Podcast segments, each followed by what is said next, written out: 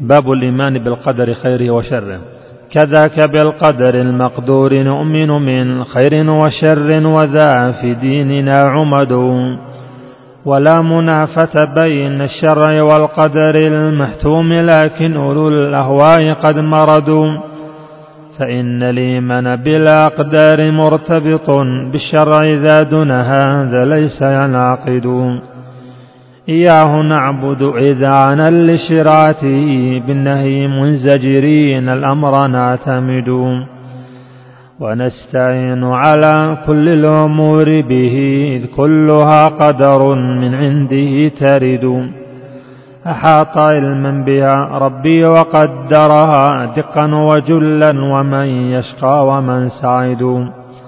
من قبل إيجادها حقا وسطرها في اللوح جفت بها الأقلام والمدد كيفية وزمان والمكان فلا يعدم امرؤ مقضاه الواحد الصمد. بقولكم ما يشاء أمضى بقدرته بالخلق والأمر رب العرش منفرد. وقدرة العبد حقا مع مشيئته لكن لما شاء منه الله نعتقد إذ كان ذاتا وفعلا كله عدم إلا إذا جاءه من ربه المدد. من يهده الله فهو المهتدي وكذا من شاء يضلله أنى له الرشد. مجمل